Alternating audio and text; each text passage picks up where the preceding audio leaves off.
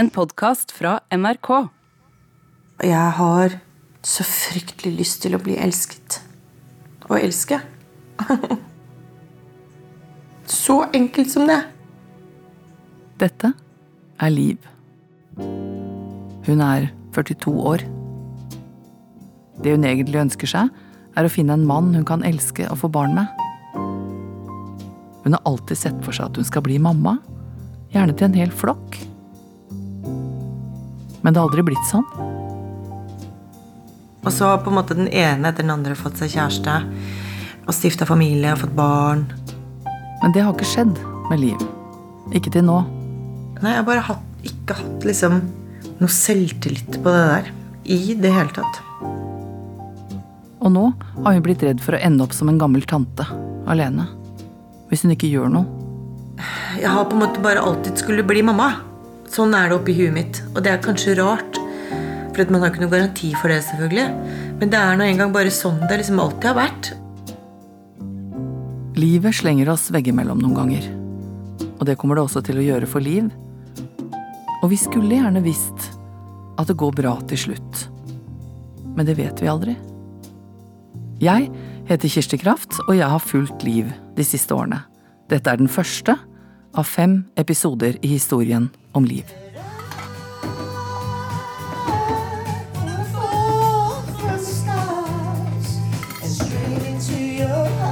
Nå står hun og vasker opp. Det er kveld. Liv er alltid den som drar sist hjem fra fest. Og danser mest. Og snakker med hvem som helst om hva som helst. Hun har tre brødre og stor familie og mange venner hun er mye sammen med og er veldig glad i. Men det med kjæreste har aldri klaffa. Jeg bare har alltid vært så full av beundring for de menneskene som enten alltid har hatt kjæreste, eller tydeligvis liksom aldri har syntes det der har vært noe problem. Og, og trodd at liksom, ja, nei, nå flørter jeg med en fyr og tror at man skal bli sammen. Historien begynner med at hun og en venninne skal planlegge sommerferien sammen. De sitter i en bakgård på Grünerløkka, og det Liv tror skal være en praktisk prat om når og hvor de skal dra, utvikler seg til noe helt annet. Jeg skulle på roadtrip. Jeg og venninna mi skulle kjøre Toskana rundt. Vi hadde bestemt oss for det. Vi skal ha planleggingsmøte, og vi sitter ute i hagen hennes. Hun har lagd mat, og det er kjempekoselig, en kjempekoselig bakgård med epletrær, og det er barn som leker, og det er bare idyll, liksom. Jeg måtte låne en shorts av henne, for det var så varmt. Altså, bare litt sånn, skjønner du? Var sånn, og vi var så gira, vi gleda oss så fælt, og, og i det hele tatt. De spiser og koser seg. Og så kommer de inn på et tema som de har snakket om tidligere også, men ikke så direkte som dette. For venninna hennes sier Du er over 40 år. Har du tenkt å få barn, Liv? Da haster det. Så bare Ja, hva mener du? Hun var liksom Nå må du bare komme deg til gynekolog. Gå til han her. Eh, og så må du få undersøkt, og så må du se. Så jeg tror det er en sånn En eller annen form for fornektelse der. Så det var jo på en måte en god utfordring å bare at hun var så tydelig. Liv blir gående og tenke på det de snakket om på veien hjem. Skal hun prøve å få barn på egen hånd? Med donor? Hun har ikke tenkt på det før. Den samtalen var jo en øyeåpner, fordi at jeg ble veldig konkret etter det. Fortalte mamma. Jeg vurderer å få barn alene. Hun bestiller time hos en gynekolog. Han er først ledig etter sommerferien i september. Men så skjer det mye den sommeren. De to venninnene drar til Toskana som de har planlagt. Leier en liten blå Fiat. Det er sol hele dagen, hver dag, og når ferien er over, sitter Liv en ettermiddag på verandaen. Av gammel vane så går hun inn på Tinder. Og der i stolen, hjemme på verandaen, blir det som hun bare har brukt som et tidsfordriv, plutselig alvor. Så så jeg jo bildet av han og bare tenkte å fy søren, han var fin. Liv gjør et valg. Hun sveiper han til høyre. Han gjør det samme. Liv skal på date.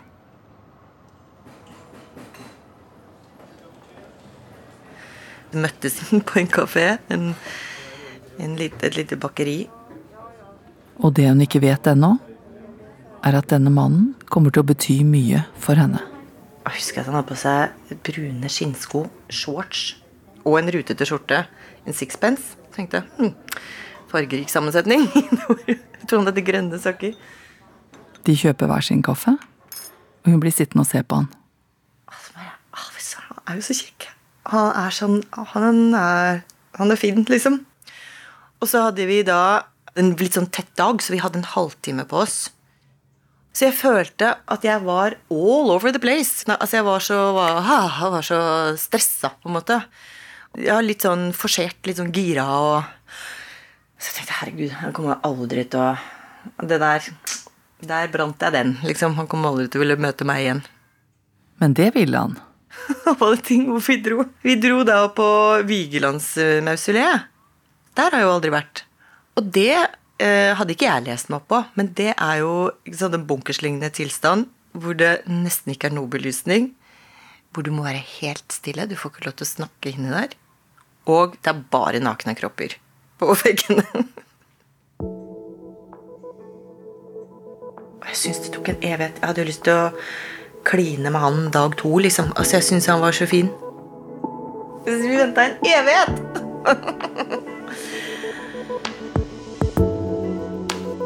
Liv har selvfølgelig truffet noen menn opp igjennom, men det har liksom aldri blitt noe ut av det.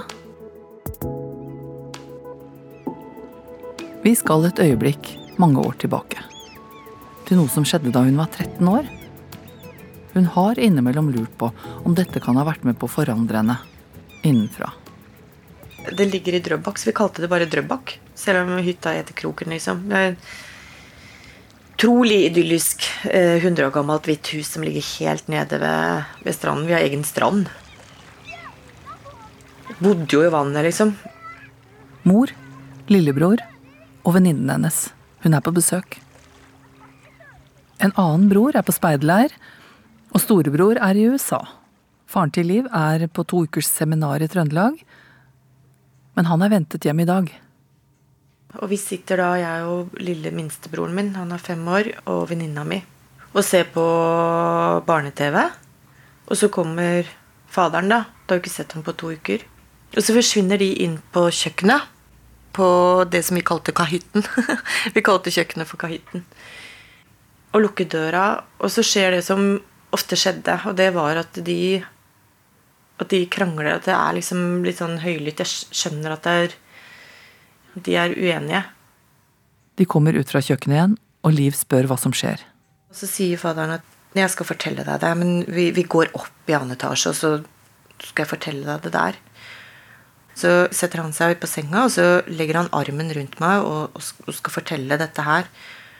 Og da husker jeg, kjenner det i magen, at dette her er ubehagelig. Dette her er feil. Og nå prøver han å gjøre noe Få noe som ikke er bra, til å virke bra ved at han legger den armen rundt meg. Faren forteller at han har truffet en annen kvinne, og at han kommer til å flytte ut. Liv skjønner ingenting. Hun føler at han forlater henne. Så går døra opp, og så kommer mamma inn i rommet. Så tar hun av seg et, et halskjede. Og det er en eh, liten sånn knute, en sånn uoppløselig knute i gull som hun har fått av faderen. Så tar hun det av seg.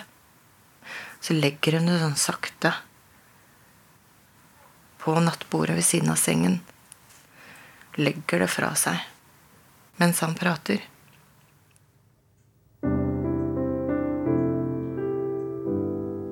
For Liv har dette satt seg fast i minnet. Hun kan se det for seg, nå, mange år etter. Og hun husker hvordan det var etterpå. Mamma gråt og gråt og gråt. Mamma gråt i et halvt år etterpå, hun.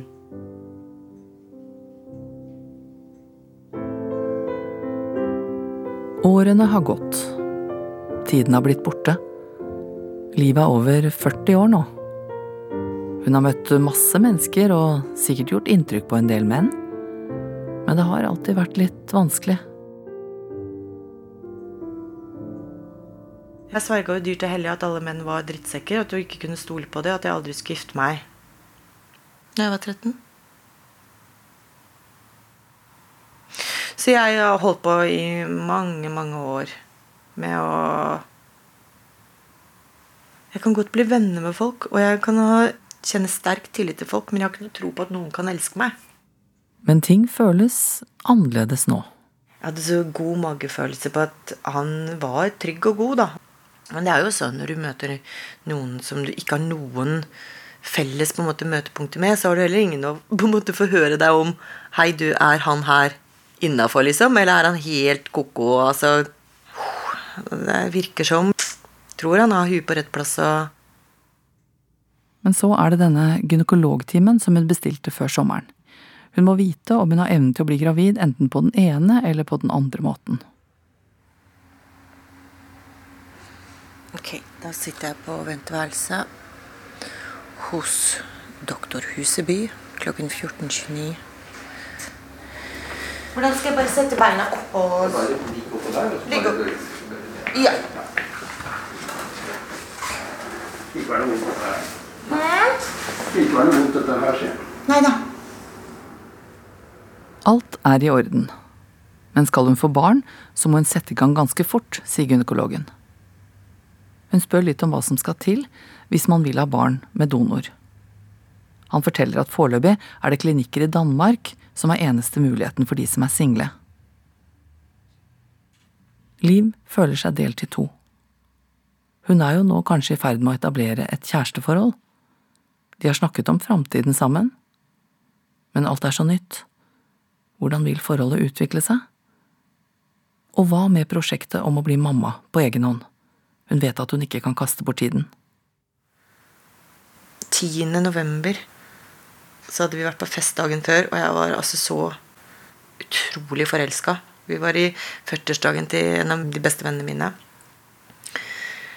Og det er liksom hele vennegjengen. Skjønner du? ikke sant? Jeg har meg kjæreste. Og jeg, bare synes er, altså, jeg er så stolt, og jeg er så glad, og det er så fint, og jeg er så glad. Og alle er så glad på mine vegne. det er så fint. Og så, og så sov jeg hos han, og morgenen etter så er vi jo både liksom fyllesyke og jeg får mensen, og da er jeg litt sånn eh, frynsete.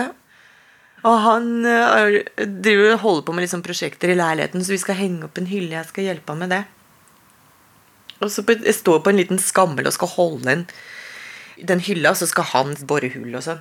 Og så begynner jeg å grine. Jeg står der med den der, står med den hylla og hånda over huet. Så bare Hva er det for noe? Jeg blir så redd. Så jeg ble du redd? Ja, men kom ned deg. Nei, jeg er ikke redd for den krakken. Men jeg er så redd for Du kan jo gjøre det slutt, liksom. Du kan jo du, det, jeg, jeg er glad i deg. Jeg, jeg syns at du er så fin. Og, det, og jeg, det er bare, dette er kjempeskummelt. Og så, så bare Kom her, nå. Så setter vi oss i sofaen. Liksom, kom her. Jeg sa jo i går til vennene dine at eh, jeg var kjæresten din. Jeg. Hørte du det, liksom? Jeg har jo lyst til å være sammen med deg. Er det sant? Er vi kjærester? Liv koser seg. Livet med kjæresten er helt annerledes. Dagene farer av gårde. Men hun må nesten bestemme seg snart. Planen fra i sommer var jo å bli mor alene, men nå har hun møtt en fantastisk mann, og den gamle planen virker så rar nå. Hun tar seg sammen og sier Vi må faktisk snakke om dette her på et tidspunkt. Og så sa han ja, det, det må vi, men er det sånn nå Det er litt mye, og han hadde litt greier på sin side med barna og litt sånt nå. Er det sånn nå at vi Kan vi si at Kan vi ta den praten i januar? Går det bra, liksom? Det er to måneder til, men dette her er så ferskt, og det er mye som skjer, og det er jul, og det er ba-ba-ba, liksom. Kan vi ja, men det syns jeg var ryddig. Jula nærmer seg. Liv har planer. Hun har tre brødre som har barn og familier. De er alltid mye sammen i jula. Andrea, det er din tur. Er det min tur? Oh, yes, baby. Ja, men det betyr at jeg kan ta ut fem-åtte. Liv spiller Risk med tantebarna i romjula. Ok. Tre! to, én. Fire, fire. Seks og fire. Det Én av hver. Liv er supertante. Har alltid vært det. De kjenner henne godt. Ja, det er én hver. Nå er det bare én. Én terning. Ok, to, én.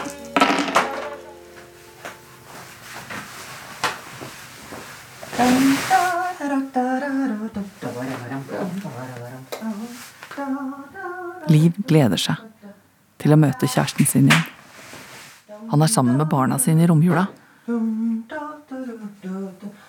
De har hatt en så fin høst sammen, og nå håper hun det nye året blir like bra.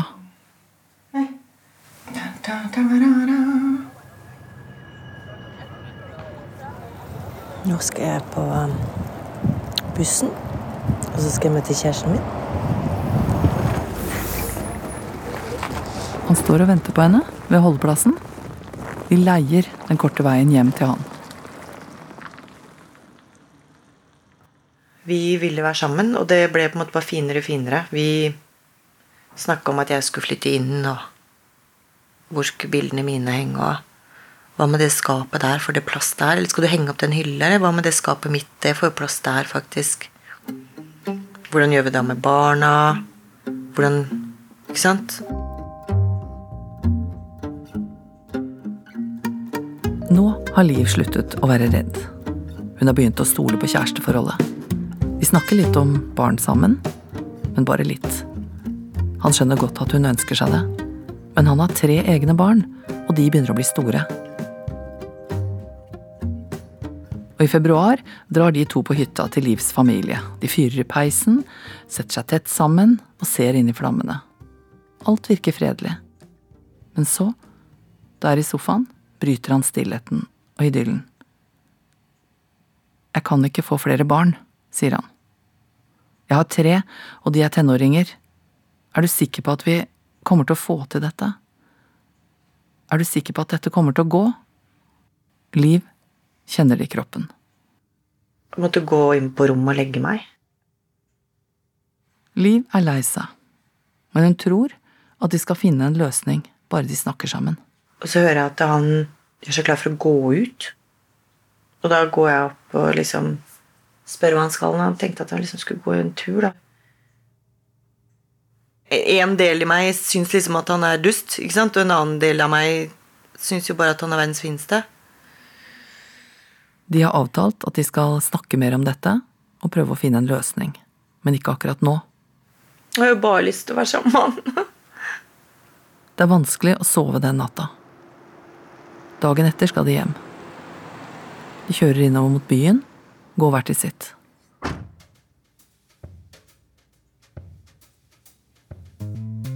Etter noen dager møtes de igjen. De må tenke klart, sammen. Liv tar et stort ark. Klipper det i fire store biter.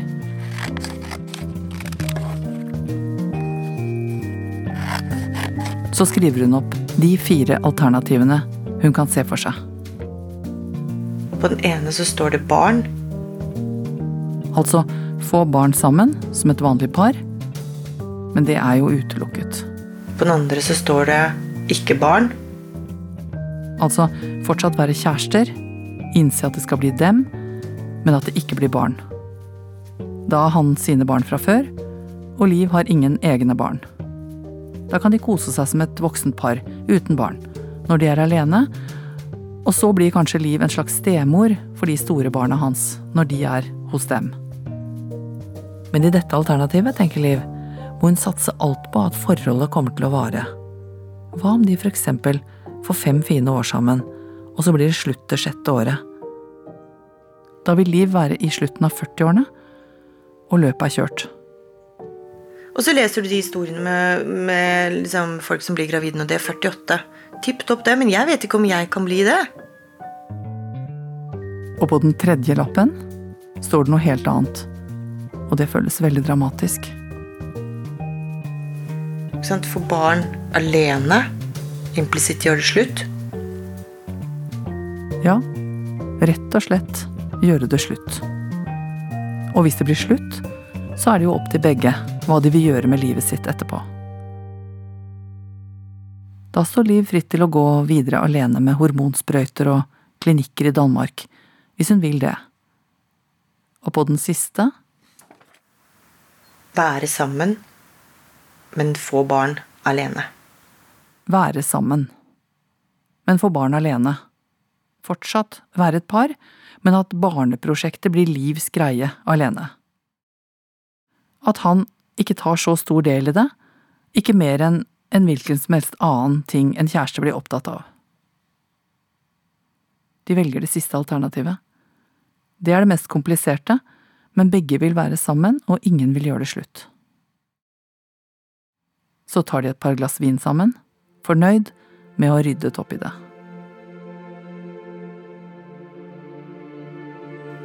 Men noen timer etter at de har gått fra hverandre, begynner Liv å tenke.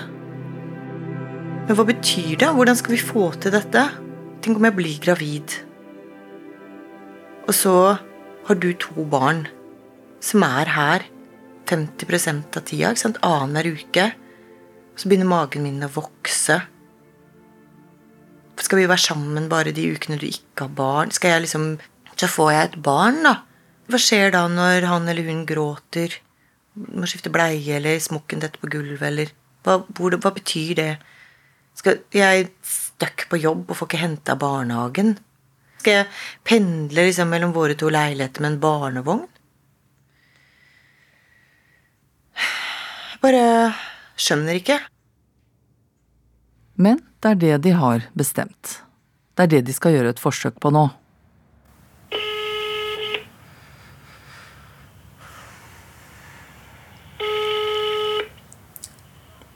Du taler med Merete. Hei. Hei, du, jeg har en avtale med dr. Kirk at, at jeg skal ringe når jeg får menstruasjon. Liv har ringt til en fertilitetsklinikk i Danmark. Ja, Eh, Det gjelder et, eh, ja, at jeg skal begynne på hormoner, så jeg skal liksom få et opplegg av han. Jeg vet ikke om jeg skulle liksom snakket med en sykepleier, eller om jeg kan snakke med deg. jeg tror at du kan tale med meg, men prøv å gi meg din fødselsdato. Liv har skjønt at hun må sette i gang denne prosessen alene. Jeg må liksom finne ut av altså så mange ting som er helt forferdelig å stå i, egentlig. Fordi du er helt aleine om det, og det, du får ikke noe hjelp. Det er så mye å sette seg inn i, det er så mye jeg ikke kan, det er så mye jeg ikke veit om min egen kropp. Du har et sånt nivå eller et sånt nivå, og det kan være positivt. Da, nei, da må du ha sånne medisiner, eller det kan bety det, eller altså Dagene går. De spiser middag sammen etter jobben og overnatter ofte hos hverandre. Så blir de bedt i bursdag. Hos Livs tantebarn. Uansett, øh, bursdag er ferdig, vi drar hjem til han. Og det er jo kveld, og jeg legger meg på sofaen. Og jeg tenker liksom, nå skal vi ligge på sofaen og øh, kose og pludre, liksom. Før vi skal gå og legge oss. Men da står han på kjøkkenet, og det er denne veldig veldig lange avstanden mellom den sofaen og den kjøkkenbenken. Ligger jeg der borte på sofaen og tenker ja, skal si det blir reint på det kjøkkenet nå. Nå, nå fins det vel ikke en eneste liten flik igjen på det kjøkkenet som ikke er tatt grundig. Og så lurer jeg på om han kanskje tror at jeg har sovnet bortpå der. Jeg vet ikke, Han driver kaster sånne blikk bort på meg. Jeg ligger der og ser på han som vasker og vasker og vasker. vasker. Liksom. Har du tenkt å komme bort hit snart? Og så kommer han bort og setter seg, da. Og så setter jeg meg opp og setter meg inntil han, og sånn. Så sier han bare, vet du hva, jeg klarer ikke det her, jeg. Jeg får ikke dette til. Det er slutt. Men han foreslår at de kan møtes når hun kommer hjem fra Danmark. For nå er datoen kommet for at hun skal reise til klinikken i Århus. Hun har kjøpt en trepakk, altså betalt for tre forsøk assistert befruktning. Det blir billigere hvis man kjøper tre med en gang. Man vet jo aldri hvor mye som skal til. Moren til Liv blir med. De tar ferja. Det er det billigste og beste. De har leid et koselig rom på et bed and breakfast. Der har de lange samtaler om hva som er i ferd med å skje. Liv er veldig spent. Skal hun virkelig få oppleve å bli mor? Hormonbehandlingen har gitt resultater. Hun har seks egg som de skal ta ut. De befruktes på klinikken med en anonym donor. Så må de vente mens eggene skal få utvikle seg noen dager. Og Liv er heldig. To av embryoene er friske og sterke nok til å settes tilbake inn i livmoren hennes. De setter inn begge to, alderen hennes tatt i betraktning. Lettet og fornøyd tar de ferja hjem. Liv er spent. Hva vil framtiden bringe nå? Det har blitt juni, og det lukter av syrinene på gangveien utenfor blokka der Liv bor. Liv har gått med et lite håp inni seg om at de likevel skal finne en vei i kjærlighetsforholdet. Og siste gang jeg møter han, er 15. juni. Og da også er det sånn har vi en halvtime, liksom. Ok, hvis vi slår følge fra jobb og går mot Grønland, så rekker jeg den pianoavslutningen til mine nevøer som skal være på kulturskolen på Grønland, og han skal rekke dattera sin skoleavslutning. Og vi sitter utenfor, eh, på en benk utafor asylet, midt i liksom på grønlandsleire, og masse folk går forbi. og jeg dukker opp noen kjentfolk, og vi holder egentlig på å prøve å liksom avslutte hva da, livene våre. og så sier jeg til han en sånn siste gang at at Men jeg tenker mye på deg, og jeg håper at du Søren heller. Dette var dumt. Jeg skulle ønske det var annerledes. Kanskje vi kan få det til. Hvis du tenker noen sånne tanker, uansett når det inntreffer, vær så snill og ta kontakt med meg først. Før du slår det fra deg. Og det var vel egentlig det siste jeg sa til han. Så satt jeg inne på den der pianokonsertavslutningen med sånn di, di, di, di, di, di, di, Altså en time og 15 minutter. Så går det ikke. Det livet hadde trodd skulle bli en stor forandring, å leve i et forhold. Hun tar bussen hjem. Livet har telt ned. Det er egentlig to dager til hun skal ta graviditetstesten. Hun blåser i det. Hun gjør det nå. Så gikk jeg på Meny og kjøpte to graviditetstester. Så gikk jeg hjem og tok den.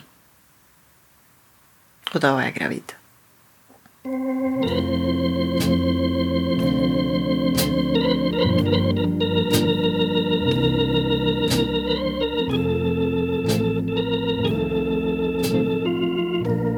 Livs siste sjanse er laget av Kirsti Kraft og lyddesigner Lillian Grønning. Dette er den første av fem episoder. Konsulent er Ingrid Skåre. Prosjektleder Elisabeth Høie. Og redaksjonssjef er Randi Helland.